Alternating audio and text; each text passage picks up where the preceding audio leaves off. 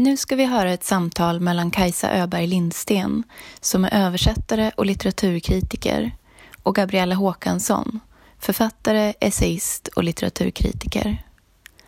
Vid 2017 års upplaga av litteraturfestivalen Stockholm Literature tilldelades Kajsa Öberg Lindsten utmärkelsen Årets översättning för sin översättning av Andrei Platonovs Tjevengor med motiveringen för att hon med principfast exakthet och lekfull snillrikhet har skapat en klar och järvt uppslagsrik konstprosa där den kulturella bildningen ger tyngd åt varje enskild språklig lösning. En rysk modernistisk klassiker har förvandlats till ett svenskt mästerverk. Här hör vi Kajsa och Gabriella fördjupa sig i Platonovs författarskap i ett samtal som rör sig mellan allt ifrån 1900-talets stora ödesfrågor och hål i himlen till njutbara fotnoter och vad som händer när översättaren själv får välja. Samtalet hölls på Moderna Museet i Stockholm den 28 oktober 2017. Tyvärr saknas de sista fem minuterna av inspelningen. Vi ber om ursäkt för detta. Varsågoda och lyssna. Jag eh, tänker inte låta Kajsa prata ännu. Nej. Nej. Gärna lyssna. Mm, jag tänkte vi tar några minuter till att presentera författaren. Nu handlar det här, nu vet jag att det är massvis med entusiaster som sitter i publiken. Men det handlar trots allt om en ganska okänd och ny återupptäckt rysk modernist. Andrei Platonov föddes 1899 i en stad som heter Voronezh i sydvästra Ryssland. Det ligger ungefär 50 mil söder om Moskva. Han utbildade sig till ingenjör, anslöt sig tidigt till eh, de röda, bolsjevikerna, deltog aktiv i eh, revolutionen och räknas då till de allra tidigaste Sovjetförfattarna. Han må ha varit en entusiastisk revolutionär av allt att döma. Men hans författarskap kan jag inte läsa som annat än djupt kritiskt mot revolutionen. Och det här misshagade givetvis Stalin senare. Så Platonov dog nedtystad och utsliten 1951, alltså 50 år gammal, 52 och författarskapet skars bort från det historiska minnet.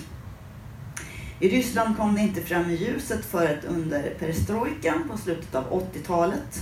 Och i Sverige är det inte förrän nu, de senaste åren, som det har återupptäckts och gjort stor succé.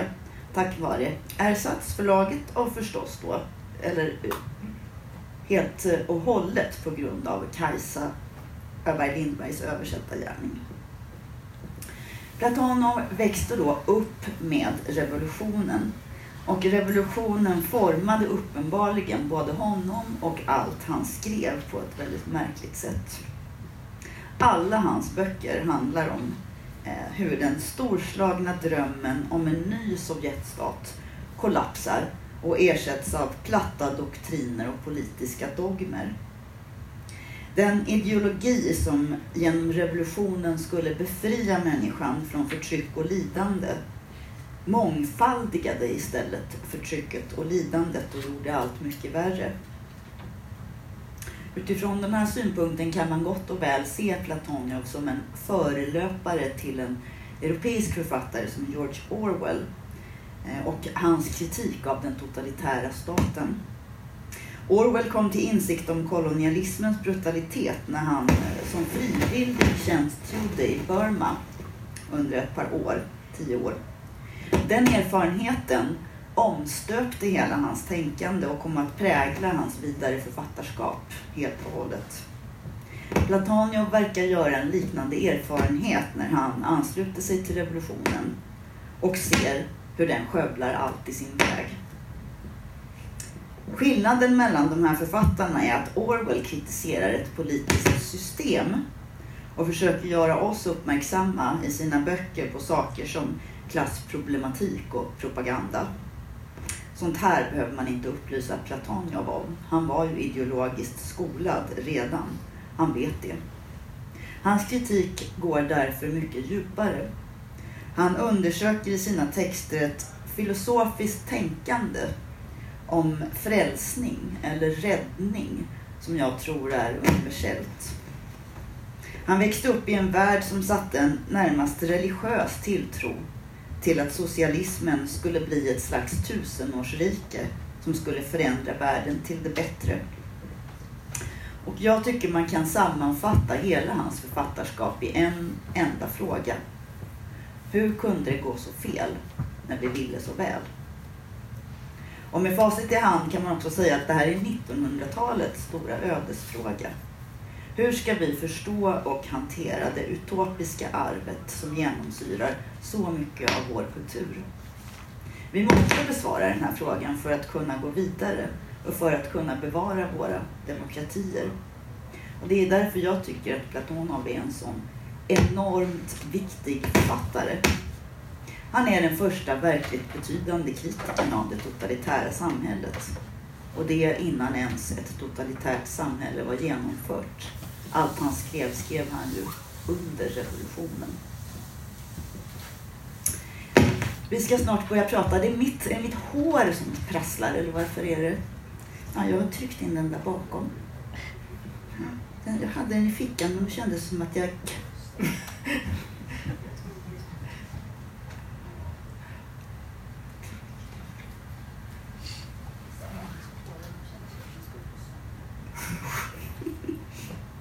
Ja.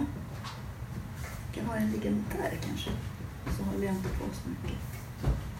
Eh, jo, jag skulle bara en kort genomgång av utgivningen av Platonov som har pågått i ett antal år och eh, liksom kommit till klimax med den stora romanen Tjevengor som vi ska prata om. Det är kortromaner, 100-150 sidor. Grundgruppen eh, skrevs 1930 det är en historia om en byggplats där man håller på och gräver ut en grund åt ett eh, gemensamt hus åt proletariatet som ska flytta in där. Huvudpersonen Vorstjev anländer till platsen och får anställning eh, och redovisar då under resten av boken hur de inte lyckas komma någonstans av en rad skäl. Det är, tycker jag är den bästa boken att börja med om man vill eh, börja läsa Platonov. Jan är den enda boken jag inte har läst. Den skrevs 34 och här handlar det om socialismens ankomst till en by i Centralasien. Så, och där kan jag inte säga mer för jag har inte läst den. Lyckliga Moskva är en allegori över Sovjetstatens lyckovisioner. Eh, det är också en helt fantastisk stadsskildring av Moskva som jag tycker man kan läsa om inte annat bara för den skull. Eh, Moskva som liksom var pärlan i Sovjetbygget, diamanten som skulle byggas och bli någonting helt enastående. Och sen är det då Tjevengur, hans stora magnum opus. Eh, den längst ut är Tjevengur och den närmast hitåt är en inbunden utgåva med alla böcker eh, sammanbindna ifall man vill ha hela författarskapet. Det såget jag. Jag trodde att det var två exemplar. Men det trodde jag också, men det sa ju Ola och förklarade att det var ju det. Om man kan läsa så kan man ja. tre, tre böcker, eller hur? Ja. Ja, jättebra.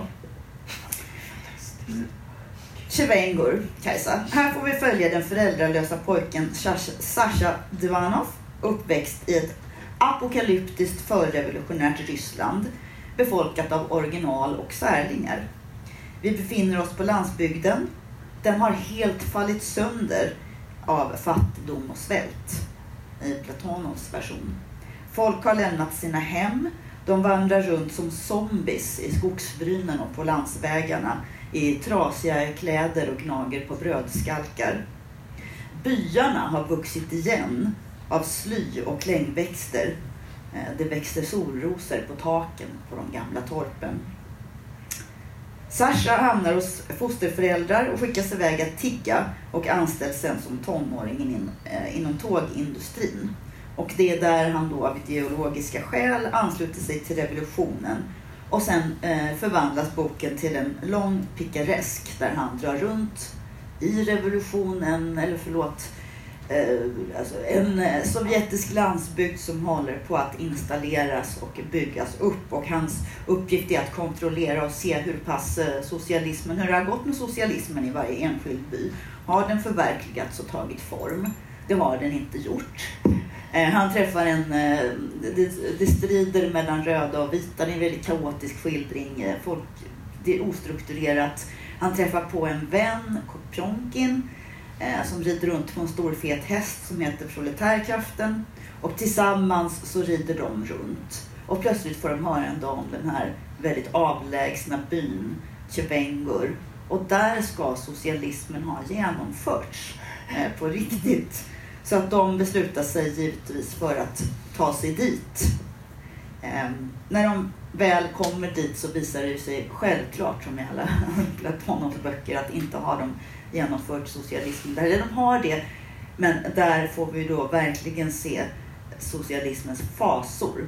För där är det, här påminner Platonov väldigt mycket om Joseph Conrad och Mörkrets hjärta. Mm. Alltså att ju djupare ut på steppen och ju längre in i socialismen man kommer, ju mer groteskt och eh, våldsamt blir det. Verkligheten har egentligen upphört att existera.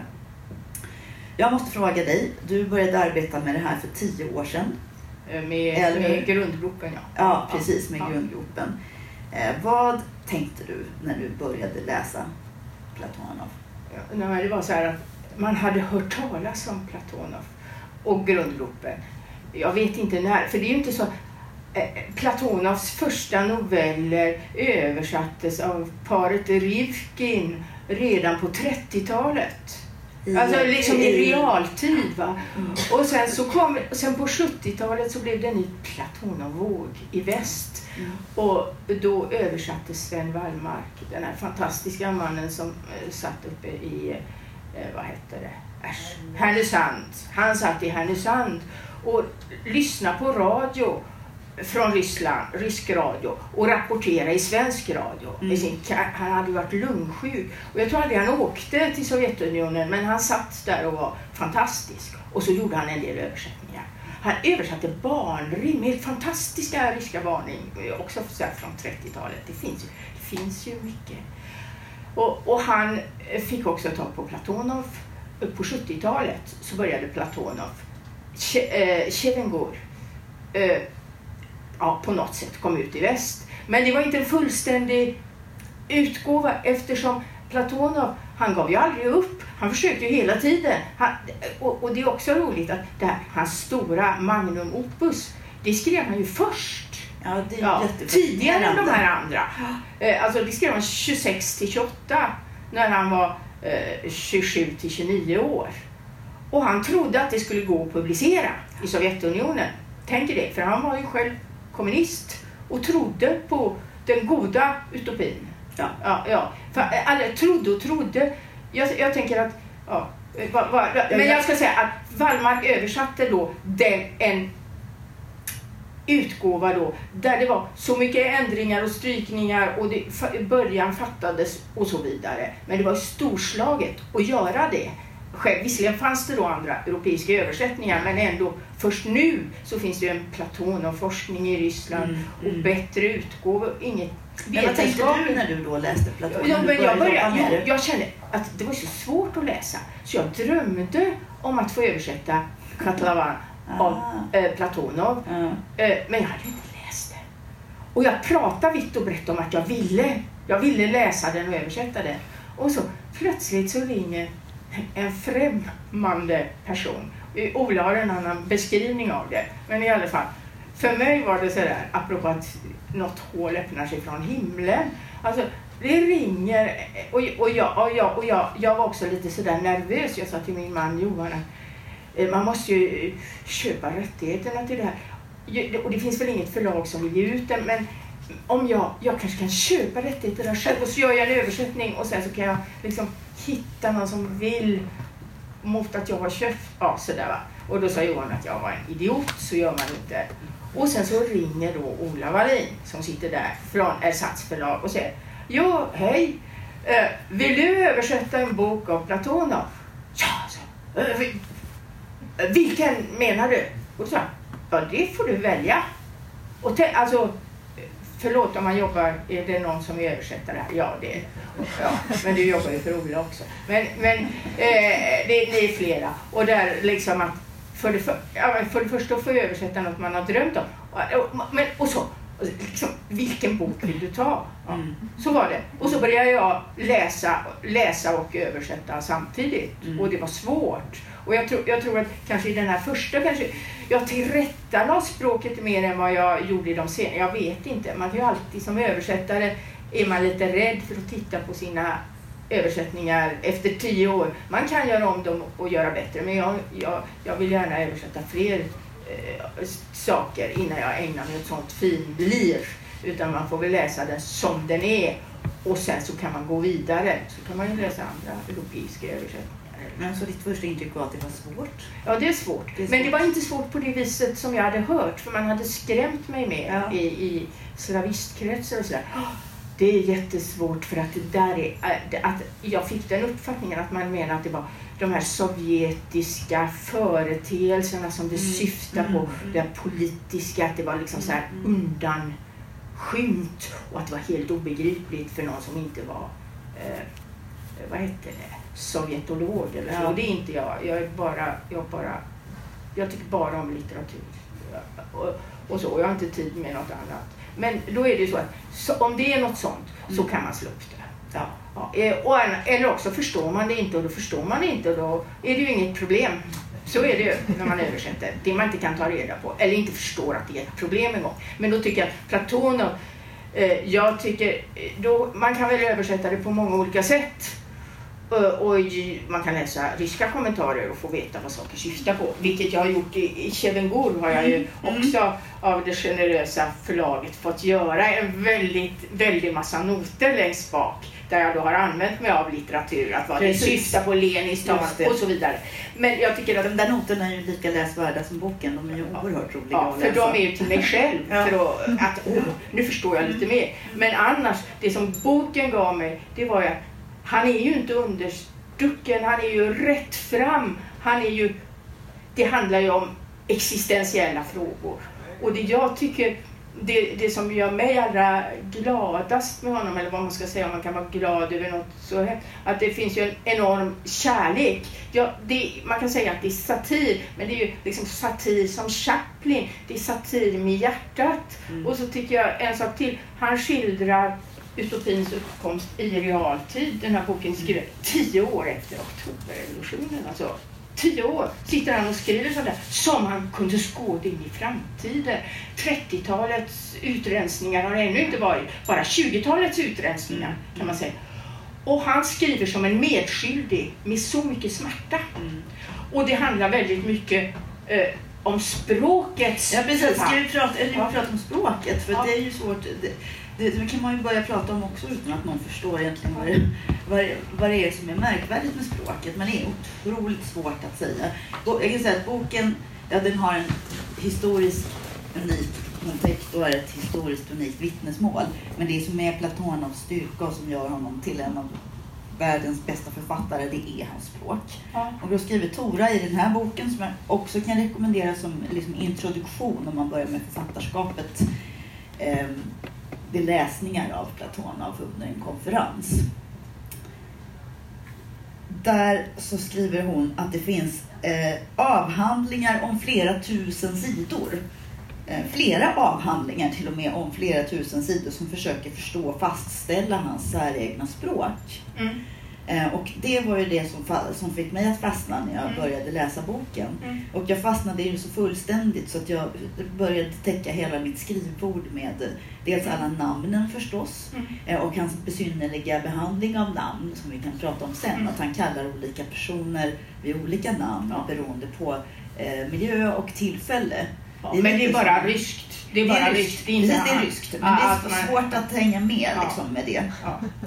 Eh, Och sen eh, ja, en mängd av saker som man liksom eh, antecknar blir man mer och mer och mer. Det är så här högvis med gula lappar.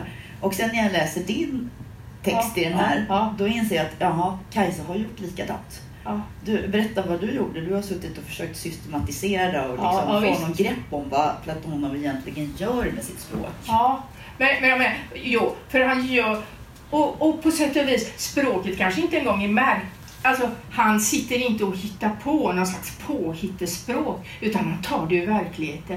Och då lever man i en verklighet när den här nya utopin har inte ord bland vanligt folk. Alltså det finns, det finns liksom den ideologiska ordboken men den blandas med det, det den känslomässiga ordboken stämmer liksom inte riktigt överens. Och utopins ordbok blandas ihop med de ord som han och andra har, till exempel från sina religiösa byskolor där de har gått i skolan och läst Bibeln.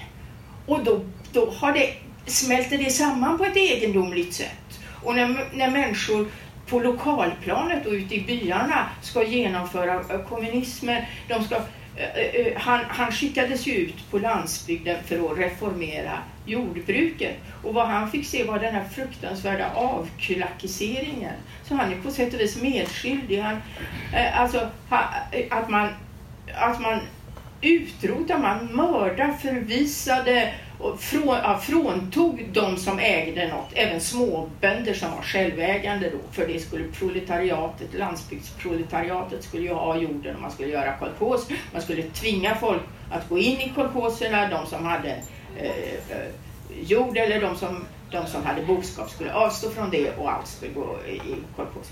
Och det var ju ett fruktansvärt blodbad och när han, han beskriver det de här lokala kommunisterna som börjar att genomföra det då på 20-talet, förlåt, i Chevengor. Eh, de, de säger det, ja, vi, för det är en tillbakablick vad de har gjort några år tidigare när man kommer till den här fullkomligt förödda sta, lilla staden faktiskt, Chevengor, ja. där man tycker sig ha genomfört socialism. Då finns det en tillbakablickande historia. Några av dem berättar hur de tog död på alla de som ägde borgarna. borgarna i stan. Och eh, då kallade de det att de, gjorde, de arrangerade en domedag. Och det gjorde de precis efter fastan för de ville ge det här borgerskapet tillfälle att eh, fasta och bikta sig innan domedagen kom. Så att domedagen det var ju liksom ett begrepp som alla kunde hålla med om. Ja, vi har alla gått i kyrkan, men nu kommer en ny dom, domedag och domedagen är ett blodbad. Och det är hela tiden sånt som ömsevis kanske framstår som humoristiskt och ömsom som... och samtidigt avskyvärt. Och det är det som är speciellt, att det, det som han skriver om i, iro, jag ska inte säga humoristiskt, ironiskt, det är en form av ironi, eh, är ju eh, ögonvittnesskildringar av ett massmord. Ja. Eh, och det är, det är så märkligt. Och som du säger, det här språket, han är ju som länken mellan Dostojevskij och de här religiösa, det gamla religiösa romanskrivandet med stark helighet och visioner, mystiska heliga män, särlingar som driver runt. Eh, och eh, den nya Sovjetstatens eh, politiska pamflettspråk. Det är som att han tar språket från de här marxistiska pamfletterna som man säkert har ja. skolats i då ja. och försöker göra det till skönlitteratur. Ja, och, men det var, det var ju väl inte ensam om, utan det gör hans hjältar också och det var mm. nog sant. Alltså det, kanske, det kan också vara väldigt realistiskt. Och jag tänker, jag tänker på, det var ju väldigt roligt att jag fick göra ett avbrott i Tjevengor som jag hade börjat översätta för att översätta Svetlana Aleksijevitjs böcker. Mm. Eh, för eh, ja, eh, särskilt tiden, tiden second hand som jag då började med och så var inte den färdig och så fick jag eh, tack vare ersats också då chans att översätta den om kvinnorna i kriget. Men när, när tiden second hand var färdig då fick jag äntligen göra färdig Chevengor och då för mig så framstod det som två verk som ja. tillsammans på ett nästan likartat sätt berättar hela historien om Sovjetunionens mm. uppgång och fall.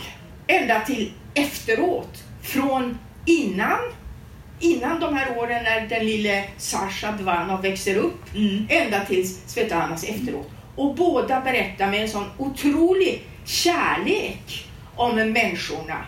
Och jag tror att, att, att eh eh, eh, eh, Platonov också säger, jag menar skulle kunna stämma in i det som Svetlana Aleksijevitj säger eh, på något ställe i, tror jag, Tidens sökare, att eh, eh, man talar föraktfullt om Homo sovjeticus, Sovjetmänniskan.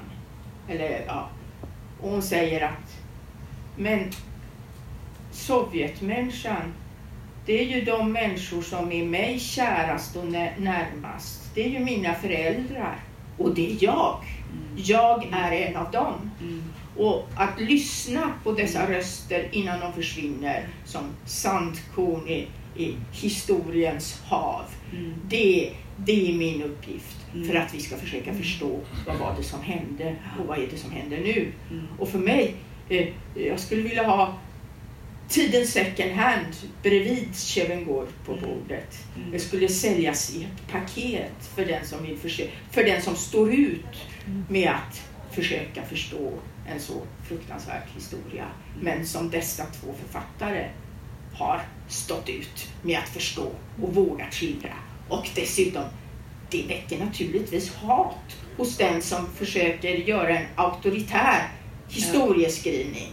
Jag menar, och de som fortfarande håller fast vid den, det är ju tryggt med en, med en auktoritär historieskrivning. Och här kommer plötsligt en historieskrivning som dels är poetisk, dels är full av levande röster Mm. som berättar, det här har jag varit med om. Och det kan man inte spotta på.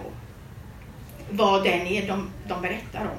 Och hur, ur vilken synvinkel de Ja, jag berättar. tror att, jag tänker också att Platonov, det är ju helt uppenbart att väldigt mycket av hans projekt handlar om att revolution, revolutionen kastar om allting. Vi, allt vi har känt. Världen är ny. Vi har inget nytt, vi har inget språk för att skildra det som har skett eller det som pågår. Dessutom det oväntade man inte hade tänkt sig, nämligen att det, blir, det skapar förödelse. Ja. Eh, Ett brutalt, ett, en brutal, evig lång, lång slakt. Ja. Hur beskriver vi detta? Ehm, vad Platonov gör är ju att varenda sak måste benämnas. Ja. För att världen ska kunna återberättas Ja. så måste varje ting ha ett namn. Ja. Ehm, Det var det jag skulle fråga dig. Det blir ett metafysiskt sätt att liksom beteckna och uppfinna världen på nytt, uppfinna ett nytt språk. Ehm, Så han är ju besatt vid detaljer. Vi ska gå in på vilket sätt sen. Men han är ju besatt vid att benämna varenda teknisk liten mutter. Eh, därför att annars benämns inte världen. Annars vittnar vi inte om vad som har hänt. Om vi bara gör svepande panoramor eller eh, vackra miljöbilder. Det finns nästan inga miljöskildringar Nej. om man tittar. Utan oftast så går han rakt ner med blicken och så ser han en mutter i jorden. Och sen så bygger han stora stycken utifrån det. Han ser skräpet, det som är bortkastat, ehm, det fula och smutsiga, det som, det som, har, för, det som har förlorat. Tingen som hade värde i den riktiga världen har nu förlorat och avslitits allt sitt värde och nu ligger det där. Ja. Och det kan vara en klädesbit eller en gammal klocka. Ja. Jag vill egentligen eh, gå in på översättarfrågan, hur, man, eh, hur jobbigt det här måste ha varit att översätta alla dessa detaljer i det tekniska. Det, det tekniska har ju en annan speciell funktion också skulle jag säga. I början så träffar han en tågmästare och här eh, är då stora skildringar av så här futuristiskt, sovjetiskt, rysk futurism. Tåget, männen som eldar på eh, ångloket och det är på väg raka vägen in i framtiden och den eh, fantastiska framtiden. Krockar tåget, eh, sen ger de sig ut och vandrar och i Chivengor på slutet så det enda de ägnar sig åt där är ju att eh, van, då, alltså de har ju förlorat förnuftet och sitter och bygger ihop konstiga saker av muttrar. Jag sitter och bygger konstiga, helt meningslösa konstverk och maskiner som inte fungerar. Jättestora saker. Ja, ja. Ja, men sen är det utan de... funktion för de har ju blivit helt galna. Nej då, de bara, nej, de, bara, de bara söker tröst. Aha. Och de vill inte, de vill, alltså eftersom, eh, eftersom det gamla samhällets sätt att producera innebar utsugning så vill de inte producera något för då skulle det Ja, genast det. kunna upp, ut, uppstå utsugning igen. Därför Ja. slutar de odla och de, deras uppgift är att förstöra egendom. Så att, för egendom ger ju också ojämlikhet. Ja. Och det är ju på något sätt, det är ju, det, Men det de är kanske galet. bygger upp massa konstiga tekniska Ja. saker som inte har någon funktion. Ja men, ja men den ena som gör det, det är ju den här fosterfaren till... Precis. Det, för han är ju... Pavlovich. För han är också en typisk rysk hjälte. Det finns en, en författare, en, en rysk gammal författare som heter Leskov som har skrivit om Mästersmederna från Tula. Och det, det finns de här fantastiska, man gjorde inte bara samovarer där, de kunde göra allt. Och det finns någon sån här hantverkets mästare. Mm. Det är något, något fantastiskt. Ja, ja, men det är också något, något nästan religiöst Mm. över det. Eh, Alltså en skapare som kan göra, ända med en täljeyxa, Mm. kan göra skrapor och spel, små miniatyrer av någonting. Och det är bara lek. Eller, eller som i Mästersmederna från Tula som kan smida en riktig loppa. Alltså en loppa som är precis som en riktig. Exakt! Med varenda detalj. Och, och den här gamlingen då, eh, hans fosterfar, är en sån. Han Mm. tröstar sig med det. Först har han metall, men sen så när metallen tar slut i hungersnöden så överlever han genom att göra kopior av alla föremål han känner till. Trä. Av trä. Av trä. Och det, det, jo, det är kanske galenskap, men ändå inte det. är också, Men jag tänker på Chivengo i slutet, det är ju Ja. klockren galenskap. Jag kommer inte ihåg vad ens de är de bygger, men det är liksom leksaksmaskiner, Nej, nej, men nej. konstiga mekan Ja, men nej, men de- mekanogrejer. Liksom. Ja, jo, men de övergår också till att göra presenter till varandra. Just För man det. kan inte göra något till sig själv. Nej. Men man måste hitta en människa som man kan leva genom. Med sitt, det handlar väldigt mycket om kärlek Mm. i Platonovs böcker. Precis som hos Alexievich. Mm. Att det handlar om hemska saker. Men i grunden det handlar alltid om kärlek någonstans. Också hos Platonov är det ju väldigt kroppsligt. Det är sådana beskrivningar av kroppslighet, övergivenhet och kärlekens nödvändighet Mm. i fullkomligt omöjliga situationer. Jag tycker det är enormt. Alltså, utan psykologiserande svammel så är det som man förstår precis. Eller det är något sånt. Mm. Men de här presenterna, de är, ja, men det är lite vansinniga, men det kan också vara fina presenter. Sådär att laga någons tak, någon annans tak. Eh, för att det läcker in. Jag gör det ju inte för mig själv. För då skulle det vara, börja, då skulle det vara Nej, men sen börjar de ju också bygga en proletärkanon. Ja. För att plötsligt, och där är ju roligt, där är ju också Platonov rolig. Det är bara en enda liten mening.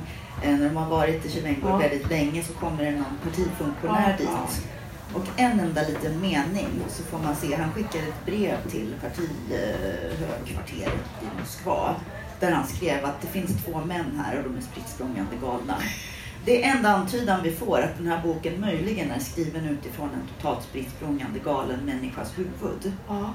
Eh, Men vi vet ju inte riktigt. Nej. Men det här antyder att så här är det. Och sen så börjar ju alla bli oroliga i den här byn och så börjar man bygga proletärkanonen. Och sen slutar Chevengur eh, på ett mycket intressant sätt. Det kommer en eh, rationaliteten kommer till byn. I detta, detta, detta upplösningstillstånd som också kan tolkas som det stora språnget. Alltså den svindlande saltomortalen, revolutionen innan tusenårsriket. Det är som att tiden har frusits och den här revolutionen som är i pågående bara pågår och pågår men aldrig... Eller har fastnat och blivit fel på något vis där. Och då kommer det rationella förnuftet. En militärtrupp som kan eh, faktiskt gå i formation. Och de skjuter då ner alla Chevengers. De utplånar eh, byinvånarna och så klingar romanen ut. Och eh, Platonov gör en intressant sak där då, jag märkte till när jag läste om det nu, Ja hela författarskapet i bredd. I grundgruppen så sitter det två män, eh, varav den ena är krympling och den andra inte. De konstaterar att det kommer förbi ett eh, väldigt tonår, om du har den scenen, Ja, de här unga tonåriga, små, små flickorna. Ja. Det blir som Och det är, ja, visst, Ja, det är ja. pedofil. Det är pedofil. Alltså, det är en, en, en snuskgubbe som Precis. tittar på Japp. Och, eh, pionjärer. exakt, pionjärer, flickor med de här, här. Och då säger han, de är så magra och de är så eh, missbildade därför att de är födda under svälten före revolutionen. Så de är åtta månaders ofullgångna Ja, foster. Och det, det som händer i slutet av Chevengur är att precis samma kvinnor i vuxen ålder fraktas dit. Trasiga, misshandlade prostituerade som beskriver sig med exakt samma ord, åtta månaders fullgångna foster från revolutionens tidiga år.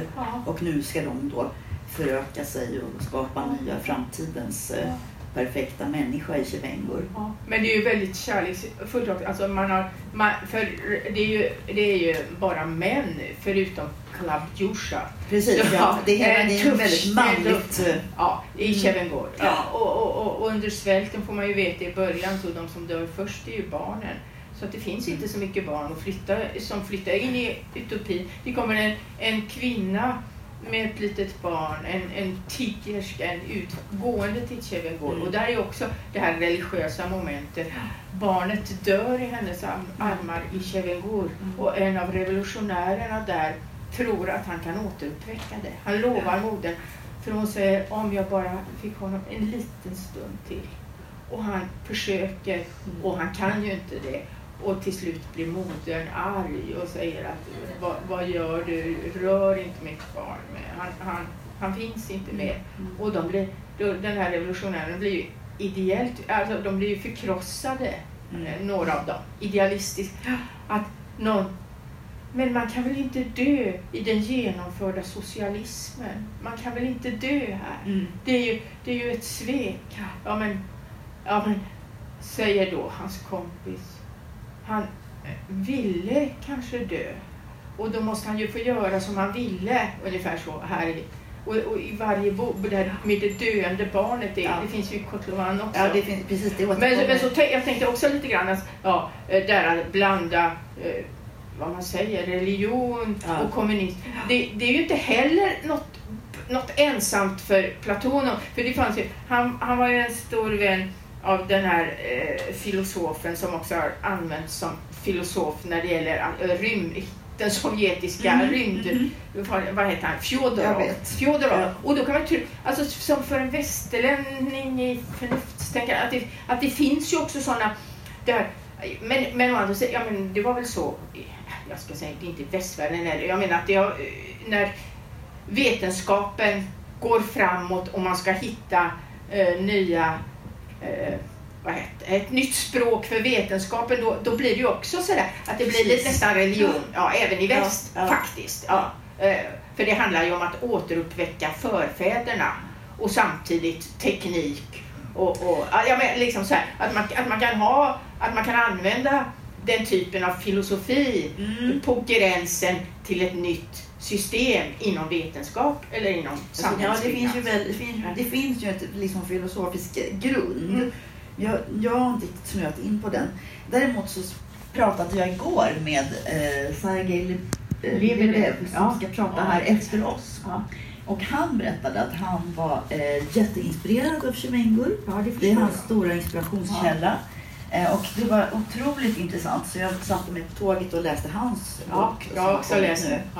Och det är ju väldigt inspirerande. Ja, Hela inledningen är han bara 70 sidor men är ju enormt inspirerad av Chevengur och det här apokalyptiska, eh, den apokalyptiska skeendet under revolutionen som också, är för, som också har att göra med tidigare romanförfattare och den religiösa synen man hade på att det var de sista dagarna som var komna. Eh, men det som är djupt fascinerande är ju att han då idag går tillbaka, skriver en roman idag i, Cheveng, i eh, Platonovs följd eh, men försöker istället avtäcka Gulag ja, visst. som man då har tystat ner och inte vill prata om. Och den inleds ju med en fantastisk scen, alltså eh, Sergejs bok, där man fiskar karp i en flod. Och när man har ätit upp karpen så ska han gå någonstans och trampa snett på en sten. Och då rullar det ut skallar ur marken. Ja. Alltså Och- det är en och- begravningsplats från eh, Gulag som inte Ja. har blivit upptäckt. Ja. Och, ja, och det är ju också realism, för Ja, det är ju det här- sånt som det förekommer. Det är, eh, Att man Det, hittar här det, det är ju precis det, det som Platonov skriver ironiskt om eh, är väl det Sergej försöker avtäcka idag. Ja, men han, han- han sa intressant om språket. Han sa att det var unikt tidsbundet att precis det du pratade om folk kom och eh, tog över eh, människors hus och där skulle det proletariseras och det gick så otroligt fort. Samtidigt så hade det kommit ett nytt språk. Man var inte riktigt säker på hur man skulle prata det här